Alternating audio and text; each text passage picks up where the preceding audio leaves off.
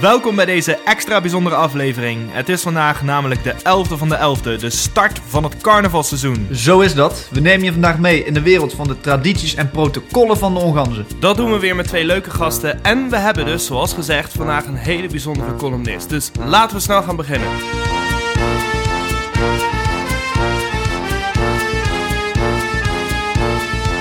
Podium vol met de totale ongans, met alle pracht en praal. protocol het gaat niet over uh, protocolbewaarder, het gaat over de vereniging.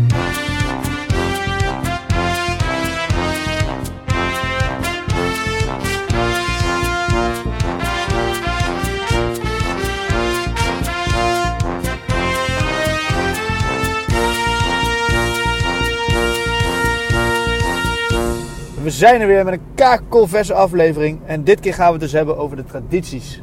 Tradiciones, zoals de Spanje zeggen. Ja, maar Bram, we zijn hier in Spanje. We zijn in Klerendal. We zijn onderweg naar Jostevoort. Podiumceremoniemeester der Onganzen. Ja, en we hopen dat de podiumceremoniemeester de koffie klaar heeft staan. Die opdracht heb ik hem in ieder geval duidelijk meegegeven. Wat zou hij nou de mooiste traditie van de Onganzen vinden? De mooiste traditie vinden op Ongansen vind ik eigenlijk de avond voor de prinsenkeuze... dat we met de ex-prinsen in het bos kennis maken met de nieuwe prins. Dat was uh, voorheen, jaren geleden... heb ik ook uit overlevering gehoord dat er zelfs leden van de Ongansen in het bos verstopt waren... om te kijken wie wordt de nieuwe prins. Toen was het echt nog een heel groot spel... Maar dat is, ja, het doet me een beetje aan mijn studententijd denken. Zo'n soort ontgroening. Ik kan er weinig over vertellen, want wie weet wordt een van jullie nog wel een keer prins. Maar je wordt even voor de hele groep ex-prinsen gegooid. En dan moet je jezelf presenteren. En dat, uh, ja, voor sommigen duurt dat wat langer en anderen die zijn wat sneller klaar. Maar het is een, een hele leuke, gezellige avond. En dat vind ik wel een hele mooie traditie. Dat is denk ik wel het mooiste. En wat ik zelf ook heel erg mooi vind. Ik ben dan uh, podiumceremoniemeester. Dus ik kondig de groepen aan. En op een grote avond, zoals de laatste jaar, de grote pronkzitting. Als ik dan op het podium sta en het licht staat achter de zaal. En begint met de hofkapel. En één voor één komt de vereniging op. En dan staat het hele podium vol met de totale ongansen. Met alle pracht en praal. Ja, dat vind ik ook een prachtige traditie. En de loopplank en het podium en dergelijke, dat moet eigenlijk altijd blijven. Want ja, volgens mij is dat voor iedereen prachtig om door een volle zaal op te komen, door weer uit te gaan. Uh, en dat geldt voor ongansleden, maar dat geldt ook voor de mensen die optreden. Dat geldt voor een, voor een Arnhem-band. Uh, gewoon door een volle zaal op, ja, prachtig. Dat vind ik eigenlijk de twee dingen die me nu zo in eerste instantie te binnen schieten. Maar hoe was het daarom als prins uh, in één keer voor al die ex-prinsen te staan? Nou ja, ik, had, uh, ik was in 95, hadden ze mij gevraagd. Het was uh, een van de jaren dat Muses verbouwd werd. Dus toen werd de Rijnhal gebruikt. En ja, toen de tijd werkte ik op een school in Arnhem-Zuid, op Elderveld. Het carnaval in Zuid en ik heb toen dat jaar altijd gezegd van het was een hele grote zaal, dus ze moesten een grote prins hebben. Anders viel die weg binnen het geheel. Dus daarom hebben ze mij gekozen. Maar het was een heel bijzonder jaar. Want ik ben, even kijken, we hadden de prinsenkeuze in Hotel Haarhuis. De grote dagen in de Rijnhal. Het concert hebben we op Papendal gehad. En uh, de opening van het seizoen, de 11e van de 11e, dat hebben we in Muzes gehad wat overbouwd was. Dus ik heb een heleboel verschillende locaties gehad. En de Rijnal, ik moet zeggen dat. Uh, ja, als je daar naar binnen gedragen wordt op de Prinsenstoel. en in de Rijnal zat ongeveer 2500 man, alles in één zaal. Ja, dat is toch wel kippenvel. Als je iedereen ziet staan, jou aankijken, denk je van ja. Ik ben ook maar een simpele boerenlul en ik sta hier in zo'n prinsenpak. Ik heb drie veren op mijn hoofd en iedereen die vindt het leuk en staat naar me te zwaaien. En ik sta daar op die stoel van mijn god, wat moet ik hier eigenlijk? Maar ik vond het wel, uh, ja, dat was, uh, dat was heel mooi. Een hele aparte ervaring en zeker ook toen voor het eerst alle tradities waar je dan mee te maken hebt, dingen die je moet doen. Dat ik denk van mijn hemel, waarom moet dit in godsnaam? Maar ja, laat ik het me doen, het wordt van me verwacht. Ja, moest je daar van tevoren wel van tevoren veel over leren? Dat je Nou- denkt van, nou, dat ze allemaal tegen je moesten zeggen van hier moet je rekening mee houden, daar moet je rekening mee Ik had houden. eh, Harry de Haan en eh, Henk Bergs, die waren mijn prinsenbegeleiders. En die eh, hebben me wel eh, wat in moeten fluisteren. Want ja, ik had natuurlijk geen enkel idee. Je hebt het, het prinsdiner, waarbij jij als prins wordt uitgenodigd. Maar er worden ook wat dingen van jou verwacht dat je daar doet. Ja, er, er worden onderscheidingen uitgegeven. Dan zie ik, zag ik namen op papier. En ik wist helemaal niet wie dat waren. dus moest ik gaan aanvragen. Ik zeg, eh, waarom krijgt die meneer een onderscheiding van mij?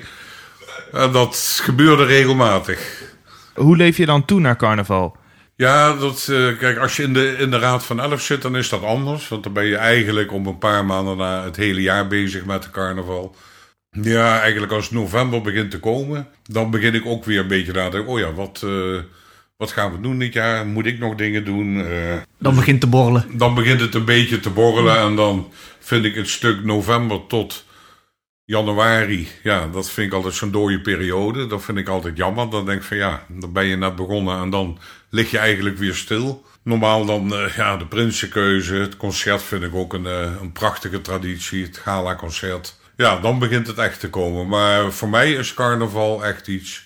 Zo vanaf oktober tot, tot maart zo'n beetje. En dan, eh, ja, dan voor de rest hangt het pak. Ja, mijn nieuwe huis dan beneden in Soetera en dan hangt het goed. En dan hoef ik me verder nog niet zo ermee te bemoeien. Ook omdat ik nu helemaal geen bemoeienis verder heb. Want ja, als podiumceremoniemeester hoef je buiten het seizoen niks te doen. Nee. Je hebt geen podium, dus ja. Je hebt twee rustige jaren gehad. Ja, eh. dat is heerlijk Ja. rustig. Ja, de carnavalstijd ben ik druk, omdat ik ook aardig wat presenteerde buitenzittingen. Ook dat is trouwens een prachtige traditie, die buitenzittingen. Sociale carnaval. Ja, daar was ik inderdaad ook even benieuwd ja, naar. ja, nou, nou Ja. het erover heb, ik Ja. ja, dat ook natuurlijk. Ja, dat hoort er ook bij. Een heel belangrijk onderdeel, denk ik. ja. Dat is een heel erg belangrijk onderdeel. En eh, je hebt af en toe buitenzittingen. Dan ben je met meer mensen van de Ongansen. Als dat de bewoners zijn die de voorstelling, om het even zo te noemen, bekijken. Maar ja, de dankbaarheid van die mensen. Het, eh, het eentonige leventje wat ze in de verpleeghuizen hebben. Eén avond met zang en dans. En ja, de kindergarten wat altijd vertederend is voor die oudjes. Die zitten bijna met tranen in de ogen. En dan wat liedjes en de hofkapel die erbij zit. En eh, ja, gewoon een prachtige avond verzorgen voor die mensen van anderhalf, twee uur. Ja, en Koningsjacht, dat is helemaal eh één groot feest. Ik weet nog, toen ik eh, prins was, was eh Sherry Juin, oude Sherry, zat in de Raad van Elf. Die deed de buitenzittingen. En die had jarenlang dezelfde auto. En op een gegeven moment werd van Koningsjacht gevraagd om niet meer met die auto te komen. Want op het moment dat die auto terrein opreed, hadden sommige bewoners al van, oh, carnaval. En die werden dan al, hele, die werden dan al helemaal gek. Zo van, oh ja, nee, eh, hij is hij is van de carnaval. Dus carnaval, dus we willen sminken en muziek en. Maar dat leeft zo bij die, eh, bij, bij die bewoners allemaal, dat... eh, ja, dat is gewoon prachtig om te doen. Gewoon de dankbaarheid die je ziet. En ja, een beetje het sociale gezicht van de carnaval. Je doet het niet alleen voor jezelf, maar ook juist naar die anderen toe. Dat, eh, ja, dat vind ik heel mooi. Klinkt alsof je er misschien wel meer voldoening uit haalt om zulke avonden te presenteren dan grote avonden en muses. Ja, ik vind het op zich qua, qua reactie en het, eh, het contact wat je met, eh, ja, om even te zeggen, met het publiek hebt. Kijk, je staat op dezelfde hoogte. Je kunt de mensen letterlijk in de ogen kijken.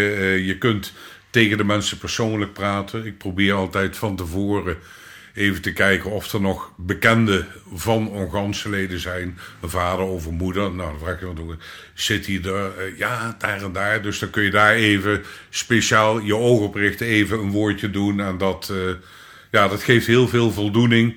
En vooral als het dan klaar is en je loopt terug van de kleedkamer nog even door de zaal. Dat mensen je gewoon een hand geven, bedanken voor de prachtige avond. En we hebben zo genoten, meneer. Dank u wel. Dat ik denk van ja, prachtig. Ja. Ja, nou ja dat geeft heel veel voldoening, ja. Ja. Ben ik toch even benieuwd naar. Hè? Eh, als eh ja, podiumceremoniemeester eh, natuurlijk een hele belangrijke rol op dat soort momenten. En natuurlijk ook tijdens de grote avonden. Nou, je, je hoort het al, een, go- een goede, bulderende stem die dan Ja, ja, door de ja. zaal heen slaat. Hoe bereid jij zulke avonden voor?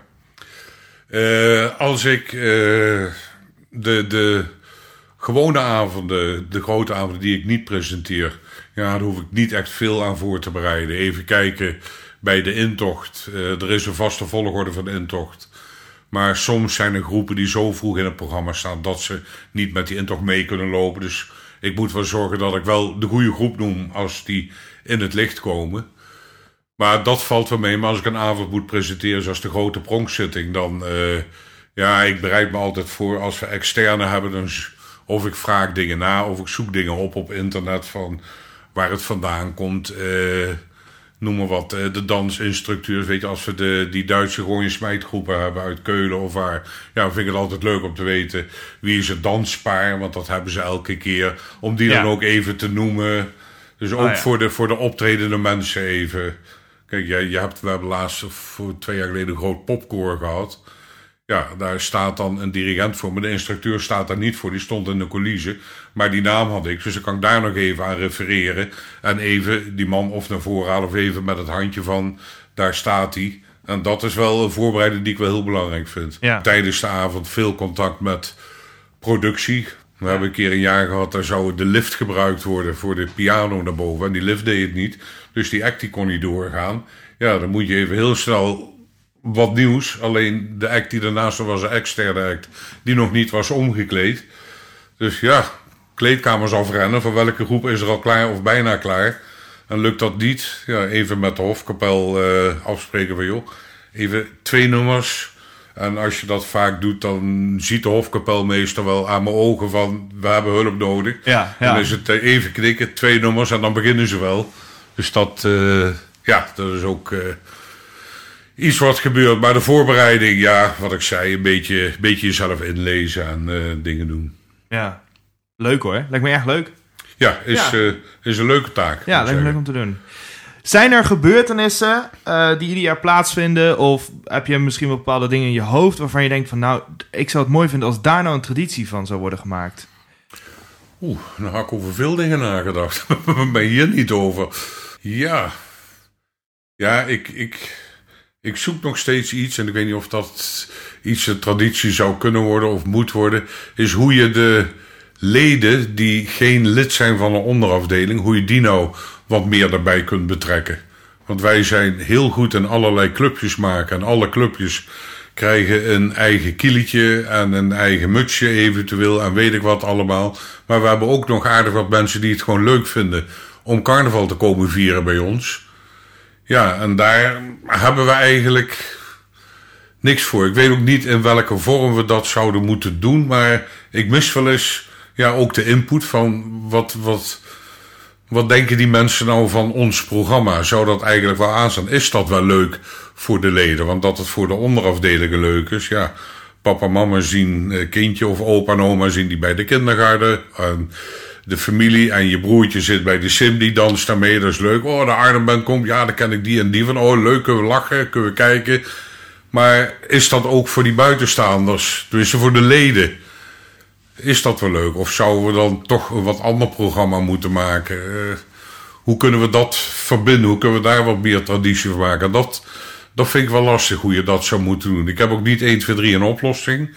Maar ik vind het wel een belangrijke groep die, denk ik, ja, niet bewust, maar wel eens vergeten wordt. Dat we, waar we te weinig aan toekomen.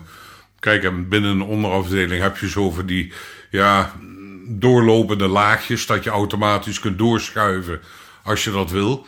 Maar goed, ik kan me voorstellen als jij eh, bij de private zit en je hebt absoluut geen gevoel bij Geli, dat zeg je helemaal niks, dat vind je helemaal niet leuk. Ja, wat is er dan nog voor je? Ja, na de brief de heb je de Edelgard. En volgens mij, dat is het denk ik. Ja. ja. En als je dat nou niks vindt... Dan heb je voor de rest weinig. Ja, heb je weinig. En blijven die mensen dan? Of gaan die dan weg? Ik heb ook eens het idee dat we dan een hoop leden verliezen... die dan na jaren later weer eens een keer komen kijken... en dan weer oude maatjes zien. En dan is het wel weer heel leuk. Maar die ben je toch een jaar of wat verloren. En dat is, uh, ja... Dat is toch jammer. Dus we hebben wel een traditie van we proberen voor elke leeftijdsgroep een clubje te hebben. Ja, het, het klinkt wat vervelend, maar dat, dat iedereen wel ergens terecht kan. Maar ja, is de Onganse als vereniging gewoon als lid, is dat dan niet voldoende, niet goed genoeg? Doen we daar te weinig voor als vereniging? Ik weet het niet. Maar het is wel iets waar ik ooit een keer met wat mensen eens, eh, rustig over wil bomen. En ook mensen uit juist, eh, zoals een Privatobie en de Edelgarde en de 3x11. Want ja, als iedereen door zou stromen, zouden die clubs bomvol moeten zitten. En dat is natuurlijk ook niet het geval. Dus ja. Maar wat betekent daadwerkelijk carnaval voor jou dan? Nou, carnaval vind ik eh, een leuk spelletje. Een heerlijke onderbreking van de, van de realiteit. Ik las dat het daar ook voor bedoeld is. Dat je een beetje van je sleur van het hele jaar af kan en dan... eh, Ja, precies. En dat, zo voel ik dat ook. Dan gewoon even lekker, eh, ja, niet eens uit de band springen of doen. Dat hoeft ook helemaal niet. Maar eventjes je zorgen weg. Even de dagelijkse sleur weg. Even lekker kletsen. Lekker een biertje drinken. Happy eten. Schik maken met mensen. Ik ga zelf altijd op eh, de maandag overdag naar familie in Den Bosch. En dan staan we bij één kroeg. En dan, ja, we staan bij de optocht. Maar het is over het algemeen alleen maar een soort familiereunie. Lekker ouwe hoeren. En dan zijn we er een uurtje of drie, vier. En dan gaat ieder zijn kant weer op. Nou, dat soort dingen vind ik prachtig. Dus de optocht in Arnhem, dan staan we met een heel stel bij de metropool. Ja, dat is ook elk jaar weer een reunie. Want je komt er mensen tegen die je normaal nooit ziet. En dat vind ik de heerlijke dingen. Er zijn ook allemaal tradities. Ja, ja, zeker. Ja, Het is één grote traditie het is eigenlijk eigenlijk, gewoon, ja. eigenlijk één grote traditie. Maar het belangrijkste is vooral wat ik heb. eh, even de kop leegmaken. En ik hoef niet helemaal verkleed te zijn. En mijn gezicht gesminkt en dingen. Dus heel af en toe vind ik dat leuk om een keer te doen. Maar kijk, doe mij gewoon lekker een kieltje aan. Of, eh, of een rakelbeertje. En ik vind dat prima. En dan eh, vermaak ik me wel. Hoi, Job de Bos hier. Mijn favoriete carnavalstraditie is eigenlijk een vrij jonge traditie. Dat is de brief, eh, op de zondagochtend voor de carnaval. Gaan we met eh, de hele brief een ontbijtje eh, scoren bij een van onze leden. Afgelopen jaren was dat Maarten. Drinken we daar wat een biertje, eten wat en gaan we vervolgens lopend naar de start van de optocht op de Monnikensteeg. Mooie kerel. Had ik jou van tevoren al wel kunnen verklappen. En leuk om eens te horen hoeveel er eigenlijk bij komt kijken om tradities in stand te houden. Want ja, dat is een beetje het punt. Een traditie is iets wat altijd terugkeert. Iets wat er eigenlijk altijd is. Maar er moeten wel mensen zijn die het organiseren. Want ja, neem zo'n pronkzitting. Dat organiseert zich niet uit zichzelf natuurlijk. Zeker niet. En dan is het wel leuk om eens te horen wat erbij komt kijken. Maar hij bereidt zich dus altijd goed voor om het allemaal goed te laten verlopen. Dan kunnen de mensen in de zaal aan het eind zeggen dat het weer helemaal top was. En dat de traditie weer in stand is gehouden. En daar hoort natuurlijk ook het uitlopen van het programma bij. Dat is ook een hele belangrijke traditie binnen de Organzen. Dat is heel belangrijk, heel belangrijk. Zou er niet zonder kunnen, Bram? Beste mensen, luisteraars, leden van Ongansen. Mijn naam is Ahmed Marcouch, burgemeester van de mooiste stad van Nederland, Arnhem natuurlijk. Een stad niet alleen verbonden door bruggen, maar ook door verenigingen. Verenigingen die Arnhemmers bij elkaar brengen, waar leden een leven lang thuis kunnen komen en die zich inzetten voor een mooier Arnhem. Verenigingen als Ongansen. Al sinds 1953 staat u garant voor een mooi carnavalsfeest. Samen met alle andere carnavalsverenigingen die onze stad kent. Ontsteekt u ieder jaar opnieuw het carnavalsvuur in vele Arnhemse herten. U zorgt er niet alleen voor dat onze straten bruisen en kleuren, u brengt het feest ook naar onze verzorgingstehuizen en zorginstellingen. Want u weet, carnaval is boven alles een feest voor iedereen. U toost en proost, danst en chanst, maar door het nu alleen daarover te hebben, doe ik u tekort. Want omgansen doet zoveel meer. Als geen ander weet u hoe belangrijk onze Arnhemse vrijwilligers zijn. Van jong tot oud en van noord tot zuid. Zij zijn de ruggengraat, de rots in de branding en het- en het fundament van onze stad. Omgansen helpt hen daar ieder jaar opnieuw aan herinneren tijdens Arnhem Bedankt. Geheel vrijwillig zet u onze vrijwilligers in het zonnetje. De activiteitenbegeleider bij het verzorgingstehuis, die elke woensdagmiddag weer een iets, iets nieuws verzint. De, de bouwvrouw bij de sportclub, die met veel liefde het eerste biertje na de wedstrijd tapt of het taalmaatje van een vluchteling die geduldig helpt bij het leren lezen van een brief. Allemaal zijn ze even onmisbaar. Afgelopen coronajaar maakte dat meer dan ooit duidelijk. Helaas was er dankzij corona vorig jaar geen Arnhem bedankt. Maar dit jaar zetten we hen die dat zo verdienen, hopelijk letterlijk weer in de spotlight. En beste luisteraar, laat dit ook een oproep zijn. Kent u iemand die de vrijwilligersprijs verdient? Nomineer. En of het nou om dit jaar of volgend jaar gaat, Onganse maakt er ongetwijfeld weer een feest van. Onganse, dank voor alles wat u voor Arnhem doet. U bent veel meer dan carnaval alleen. Voor mij, voor uw leden en bovenal voor onze stad. Arnhem bedankt, Onganse.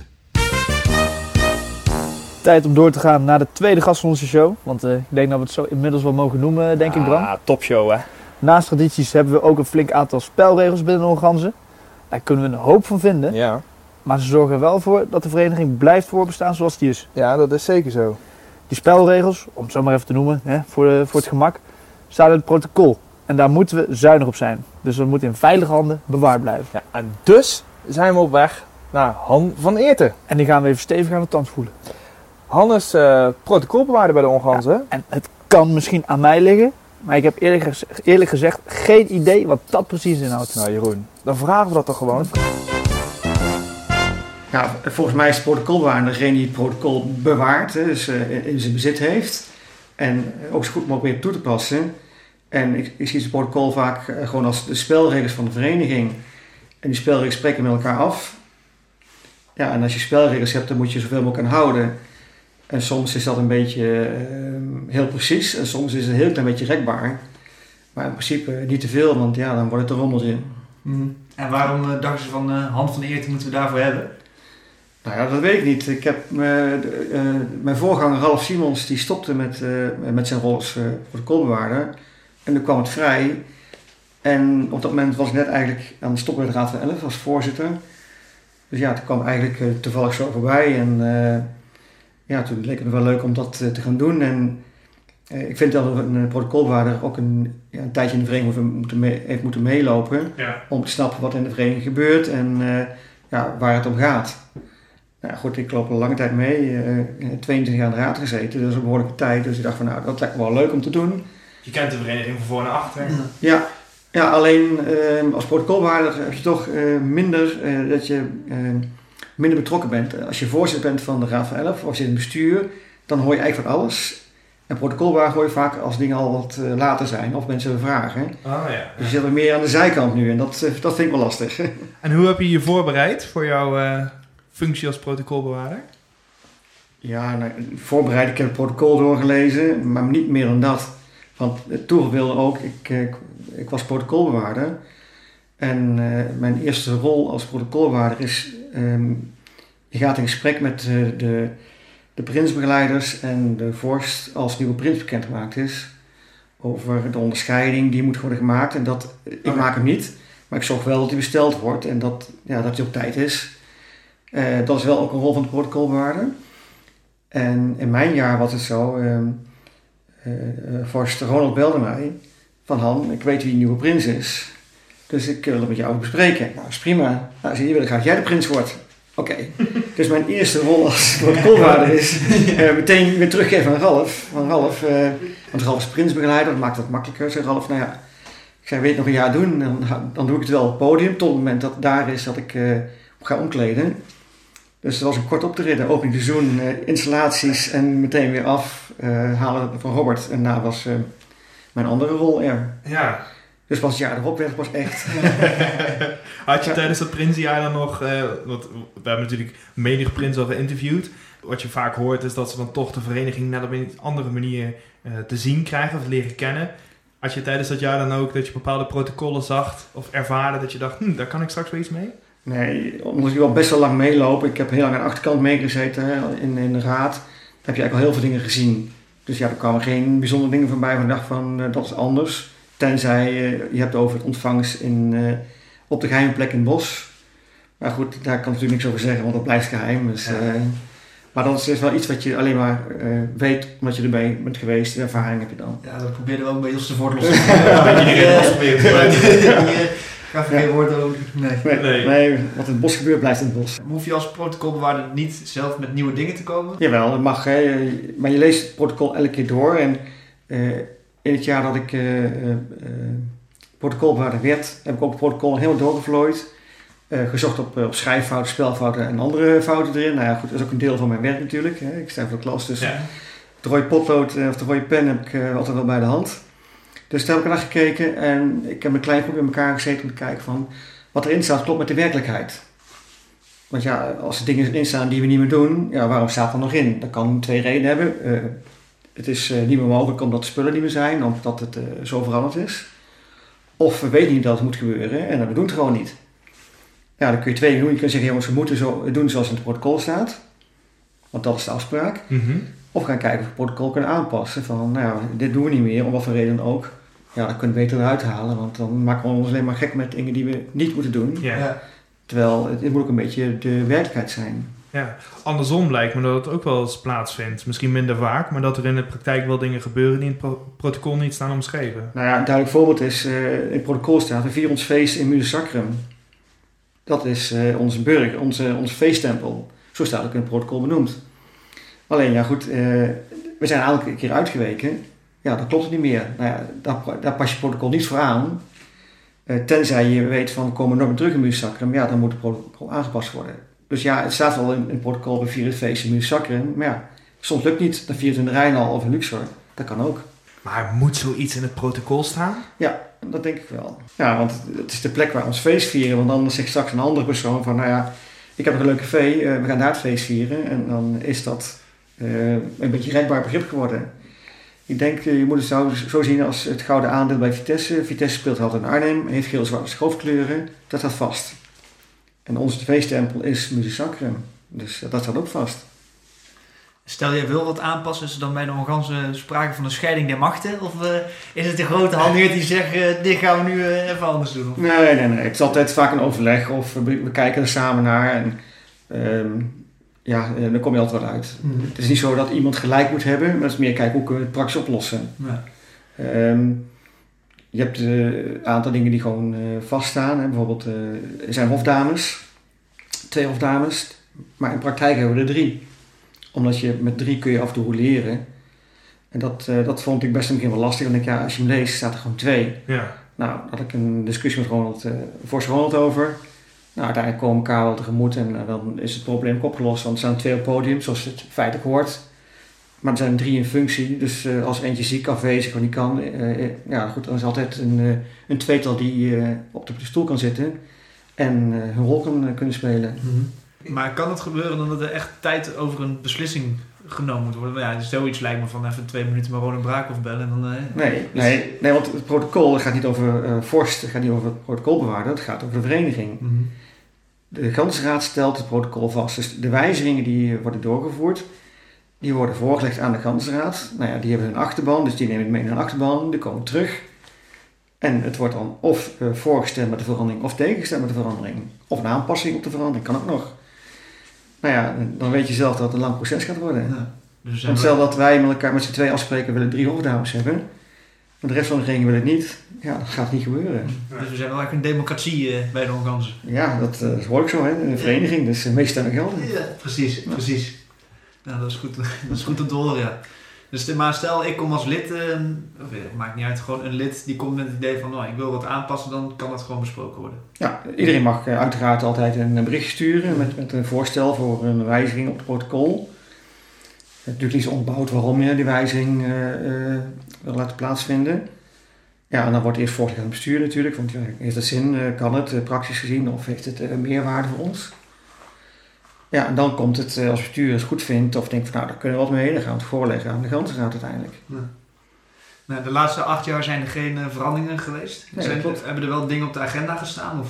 Ja, nou ja, goed, ik ben er bezig geweest. Ik heb verteld in de periode dat ik zelf prins werd. Dus ja, dan komt op een lage pitje staan. Nou ja, goed, het jaar erop is mijn eerste jaar als protocolbewaarder en eh, met alles erop en eraan. Denk ik, oké, het is best veel werk. Dus dan schuift ook verder naar achter toe.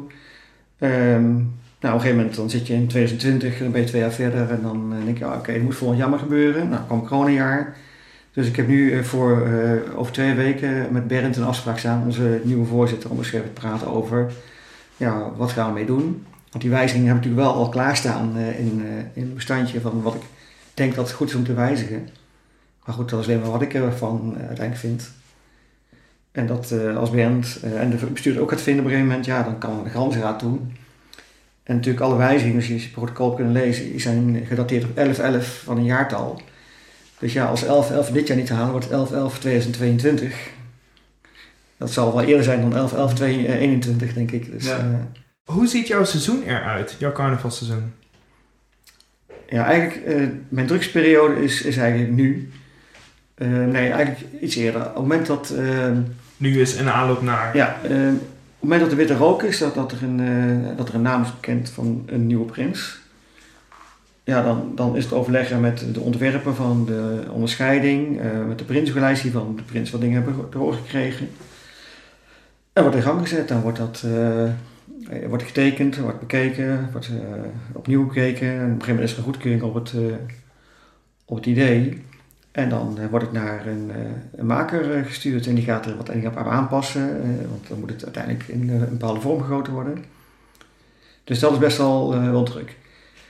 omdat nu de 11 van de 11e de Prinskeuze naar voren gehaald is, zat ik dit jaar in Frankrijk in de caravan met de ontwerpster heen en weer te te appen over het voorstel. En dat, uh, dat is wel even druk, want je wil een goed besluit nemen. Er moet natuurlijk iets moois zijn, iets blijvends, iets persoonlijks worden.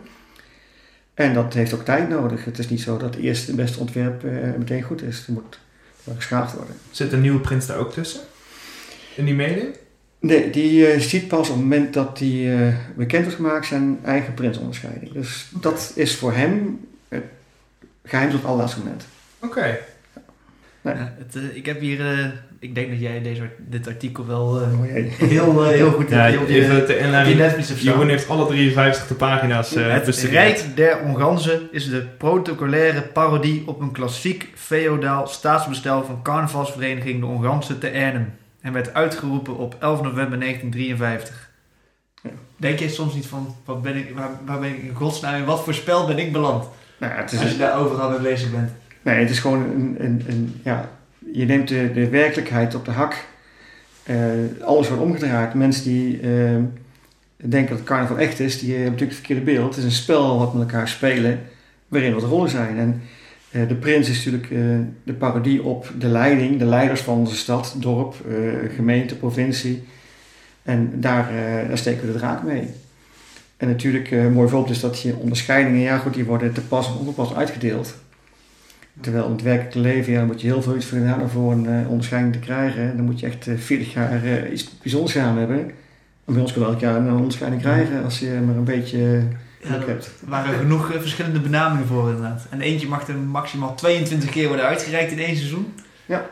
Dat, dat is de prinsonderscheiding toch? Nee, je mag 44 worden. Dat zijn dat, ja. Worden er 44? De Raad van Elf krijgt hem sowieso. Dit heb ik wel gelezen. Ja. ja.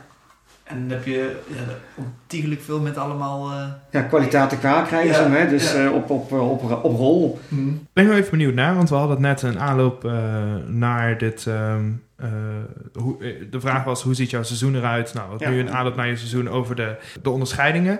Je zei trouwens, de maker van de onderscheiding, de ontwerper van de onderscheiding, die krijgt hem ook. Is dat altijd dezelfde? Is dat iemand binnen de, of buiten de vereniging? Uh, binnen de vereniging. Oké. Okay. Ja. En wie is dat? Uh, Astrid Kempman dit jaar. Oh, ja. leuk. Komt ook voor in onze podcast. Ja, dat komt ook voor in onze podcast inderdaad. Ja. Dan begint het seizoen. Dus jij hebt al heel veel werk er eigenlijk op zitten. Ja, want ik ben het probleem met de prinsonderscheiding, maar er komt natuurlijk veel meer bij. Want ja, in november zijn installaties. Ja. Dus al die mensen die geïnstalleerd worden, dat, dat wordt geïnventariseerd. Er wordt een lijst van gemaakt, overzicht. Alle bullen worden gemaakt, dus die uh, worden allemaal netjes in, in, uh, in een bestandje neergezet, uitgedraaid. Uh, alle bijbehorende onderscheidingen moeten erbij gezocht worden. Van, uh, en dan zorgt ervoor dat dat de 11 en de 11 er is. Uh, en we hebben het seizoen geopend en iedereen is geïnstalleerd. En dan worden nieuwe mensen geïnstalleerd. Ja, dat is ook een deel van het werk. Ja, en dan nog het aftreden van de prins, het intreden van de prins. Ook daar moeten bullen bij komen, de spullen moeten erbij komen. De, de prins krijgt wat dingetjes. De oude prins neemt afscheid eh, bij het prinsdiner. Die krijgt dan zijn dubbele gans aan een wit koord eh, voor de rest van zijn leven. Dus eh, ja, goed, er zit heel veel in die voorbereiding met name. En dan op de carnavalsdagen zelf is het maar beperkt, gelukkig. Is het meer in het voorwerk. Echt de 11 en 11 ben ik gewoon deze keer behoorlijk druk. Ja. Omdat alles op één moment valt. Ja. Nou, ehm, hadden we het net al even gezegd. We zijn al bij, bij een aantal prinsen geweest. En Ja. één ding eh, waar ze zwaar goed eh, op getraind zijn... is eh, het niet vertellen over wat er in dat bos gebeurt.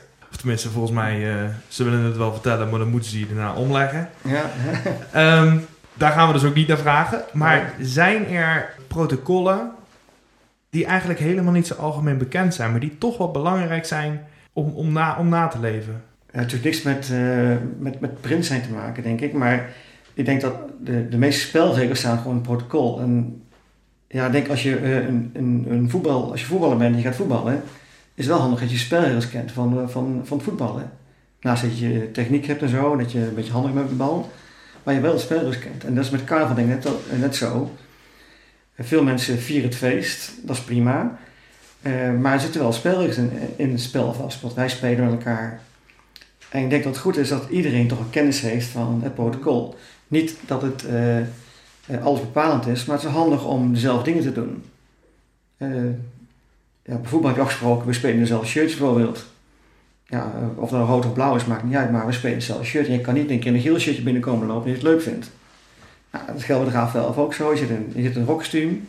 Ja, dat is afspraken. Je dat niet, ja, dan moet je misschien iets anders gaan doen. Weet je wel, dus die afspraken zijn er wel met, met kleding, met, eh, met bepaalde dingen die gebeuren, met bepaalde groeten die we doen, eh eh, onderscheidingen uitgeraakt worden. Heel veel dingen zijn gewoon beschreven in het protocol. Ja. Dus eigenlijk, als je het spel wil spelen, moet je het spelregels kennen. Dus eigenlijk zeg je, eh, het zou goed zijn voor eh, de leden om het protocol zo nu en dan eens even door te Ja. nemen. Dus dan hecht je er toch best veel waarde aan. Ja, maar dat is natuurlijk ja, omdat het een spel is. Ja. En als je het spel gaat spelen en iedereen maakt er maar eh, iets van, want ik denk dat het zo of zo moet gaan, ja, dan wordt het een rommeltje. Dan wordt het een ander spel. Ja, en dat is niet erg, maar dan moet je met elkaar afspreken. En dat doen we in de gansraad, spreken we elkaar het spel af.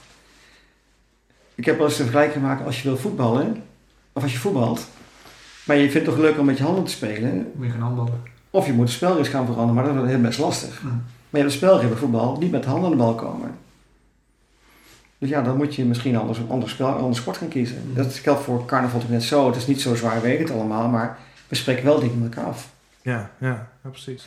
Nou ben jij protocolbewaarder. Je, bent, je maakte net al een paar keer de vergelijking met, eh, met het voetbal. Hm. Eh, je bent de bewaarder van de spelregels. Ja. Zie je jezelf ook als een soort scheidsrechter tijdens, de, tijdens het seizoen?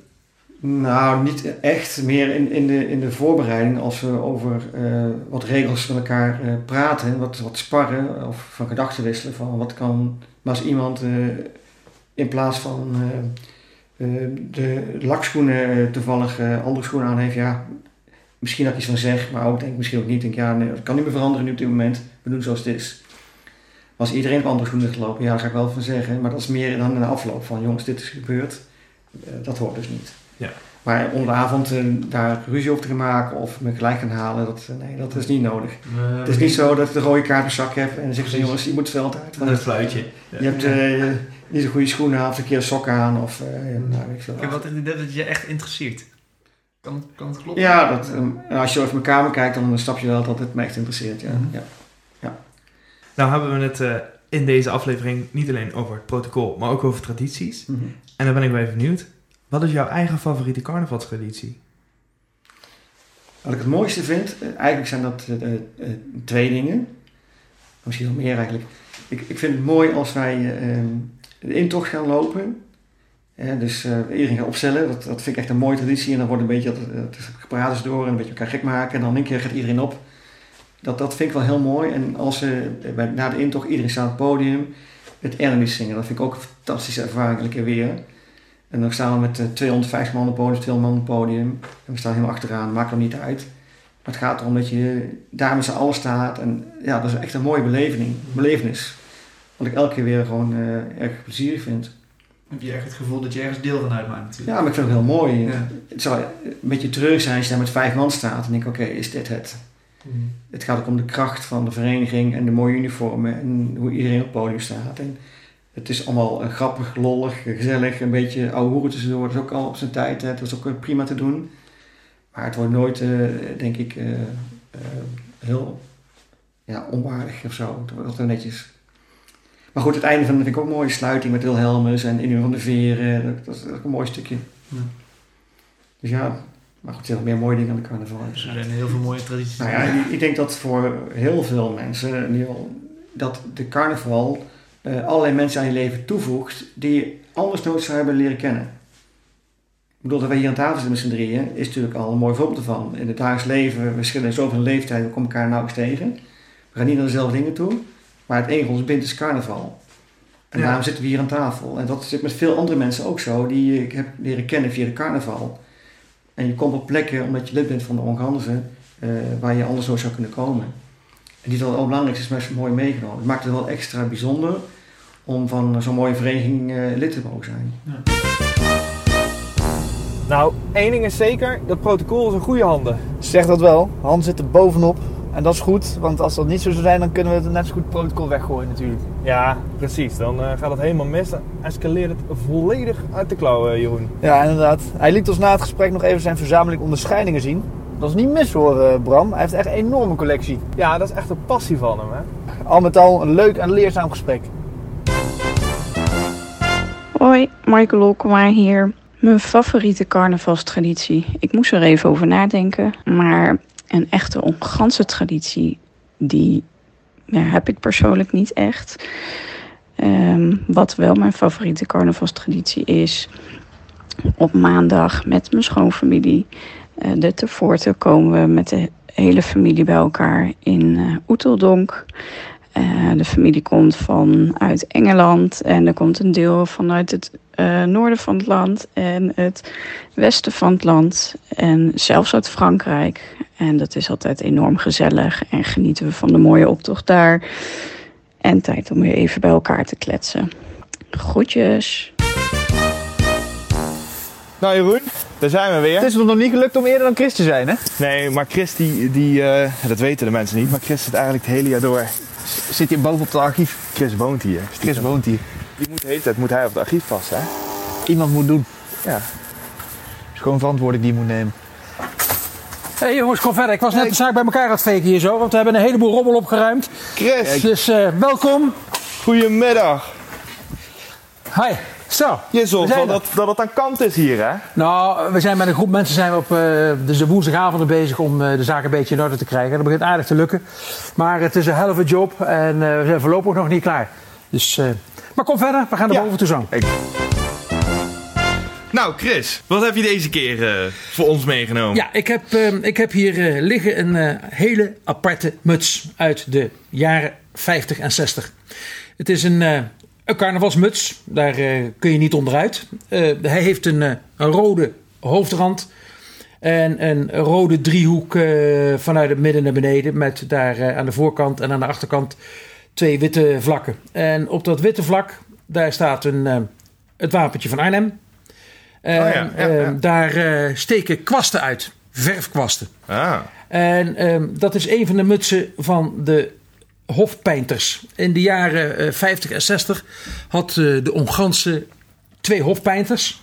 Dick Schilstra en eh, Herman Rakers. Ehm, Dick Schilstra was ehm, etaleur bij eh en Kloppenburg. En ehm, Rakers die was eh, eigenaar van het Vulpenhuis in de Koningsstraat. mhm. En eh, zij waren de hofpijnters omdat zij zorgden voor de decors. Voor het schilderen van de schilden die altijd in muzes hangen. De dingen die bij de, eh, voor de hofkapel staan en zo. Eh, hofpijnters, de hofschilders eigenlijk. En zijn daarbij eigenlijk het, eh, de voorlopers geweest van het departement decor en opbouw uit de Raad van Elf. Eh, ze hebben heel veel mooie dingen gemaakt. Er is ook nog eh, eh, heel veel dingen die zijn er ook nog van. Eh, zijn in de, jaren, in de loop der jaren toch gerestaureerd. Ja, want na zoveel jaar is het, eh, ziet het toch allemaal een beetje beschadigd uit. Maar eh, er zijn eh, nog heel veel dingen in bezit van de Ongansen die zij ooit gemaakt hebben. De decor en eh, alle stukken die, werden, die zijn nu, worden nu bewaard in de Ganzenburg. Mhm. Eh, vroeger was dat onder het podium van Muzes. En eh, was, zat er in het podium zat een luik en er werd alles door naar boven gegeven. eh, en werd zo op het, eh, op het podium gezet. Dat was lekker dicht in de buurt. Je hoefde niet een vrachtwagen Ideaal. te regelen. Dat was echt ideaal om dat te doen. Ja. Maar ja, op een gegeven moment werd Muses verbouwd. En toen kon dat niet meer. Want de ruimte onder het eh, podium werd gebruikt om eh, een nieuw, eh, nieuwe kleedkamers te maken.